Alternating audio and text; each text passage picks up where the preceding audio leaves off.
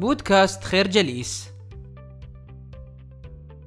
إذا نظرنا إلى الكتابات التاريخية الأكاديمية التقليدية نجدها دوما تتحدث عن مرض حضارات مرت على الإنسانية في فترة من فترات تشكلها كحضارة بلاد الرافدين والحضارة الفرعونية وغيرها. بمعنى أن صورة المجتمعات غير الغربية تنقل دوما بشكل يبين أن هذه المجتمعات إما تماست مع الغرب أو اتصلت به لكن حياة عصر بوذا وكونفوشيوس وإرث الإمبراطورية المغولية والمغامرات البحرية لسلالة مينغ البحرية دوما كانت تثير نوعا من الحيرة والارتباك في دراستها أو تدريسها. وهذا الأمر هو نتيجة طبيعية لهذا التحيز الغربي والأوروبي على وجه التحديد. كما أن الآسيويين أنفسهم مستعدون أن يبيضوا أو يحذفوا بعض الجرائم التي ارتكبوها في حق بعضهم البعض. فلا يمكن أن يمحو التاريخ الآسيوي الغرب بالطريقة التي يريد الغرب أن يطمس بها تاريخ آسيا. وبالرجوع إلى التاريخ القديم يمكننا أن نقول بأن نشأة الحضارة الإنسانية بدأت في آسيا حيث تم اختراع أدوات الزراعة وترويض الحيوانات وبناء الحصون والمستوطنات. كما أن العصر البرونزي شهد ولوج الإمبراطورية الآكادية وخليفتها الإمبراطورية الأشورية إلى مساحات أوسع. وامتدت مسارات التجارة والثقافة البرية حتى وصلت إلى الصين. وغير ذلك من الإنجازات التي توضح أن التاريخ بدأ في آسيا وسينتهي إليها. الفكرة هناك توجه غربي متعمد في إخفاء جوانب ساطعة من التاريخ الآسيوي. لا يمكن أن نقفز على هذا الكم الكبير من إنجازات القارة الآسيوية وتاريخها المليء بالبطولات والاكتشافات والملاحم. إلا ونجد أنفسنا مشدودين إلى هذا التاريخ من خلال الدروس والعبر التي خلفتها لنا أحداثه وتفاصيله. وإذا أردنا أن نتحدث عن الجانب الثقافي تحضرنا هنا الروابط التي كانت تربط آسيا والتي تمثلت في التجارة والصراع والثقافة. فلقد كانت السنسكريتية الهندية القديمة بمثابة القالب للتايلاندية. أما في شرق آسيا فقد انتقلت منظومة الكتابة الصينية إلى اليابان عبر كوريا. كما أمست العربية أساسا للعديد من اللغات ذات التراث الشفهي مثل الفارسية والبشتوية والأردية. أضف إلى ذلك أن التجارة والصراعات هيأت الظروف المواتية لامتزاج الإثنيات. والأنساب عبر الاستيطان المؤقت والزواج. وقد كان التنوع العقائدي أيضا عاملا حاسما في استقرار الحضارة الآسيوية.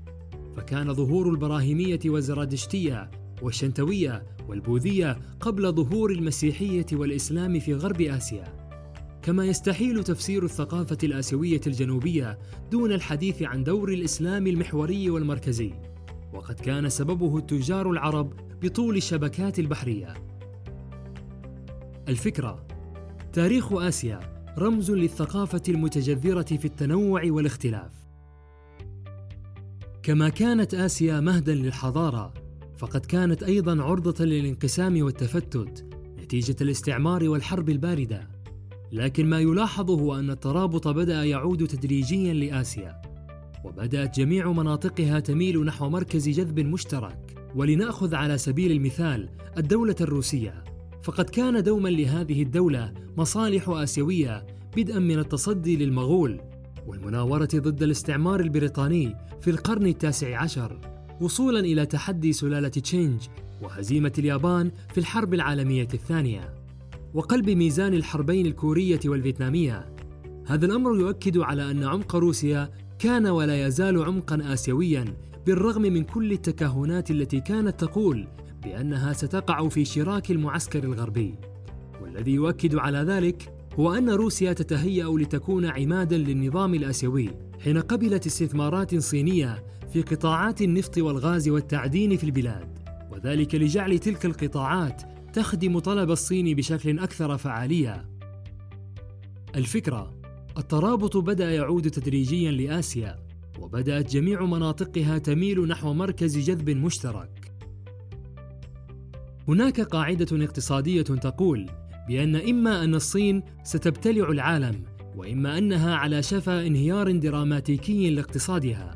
ما يهم هنا هو أن تباطؤ الاقتصاد الصيني لا يشكل انتكاسة لقصة آسيا.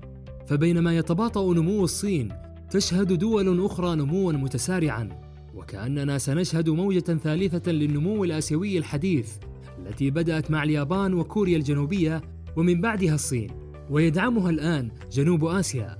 إن ما يمثل مرونة آسيا الجماعية هو النجاح التراكمي لخمسة عقود من التكامل الذي حفزته اليابان ومن بعدها اقتصادات النمور الآسيوية.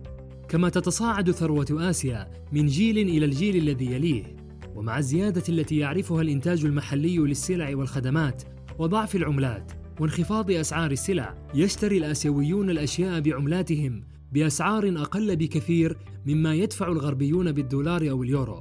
هذا ونصيب الفرد في الصين يماثل نظيره في روسيا أو البرازيل لا في أمريكا أو بريطانيا. وهذا الأمر راجع بالتحديد إلى أن المجتمعات الآسيوية تركز على الحفاظ على نسب عالية من التوظيف وإبقاء تكاليف العيش في متناول الجميع. ولقد كانت هناك قناعة راسخة لدى الغربيين بأن الاقتصاد الصيني سينهار إلا أن لا شيء من هذا قد تحقق. الفكرة: الاقتصاد الآسيوي حقق نموا مطردا وتراكميا لخمسة عقود. نشكركم على حسن استماعكم. تابعونا على مواقع التواصل الاجتماعي لخير جليس، كما يسرنا الاستماع لآرائكم واقتراحاتكم ونسعد باشتراككم في البودكاست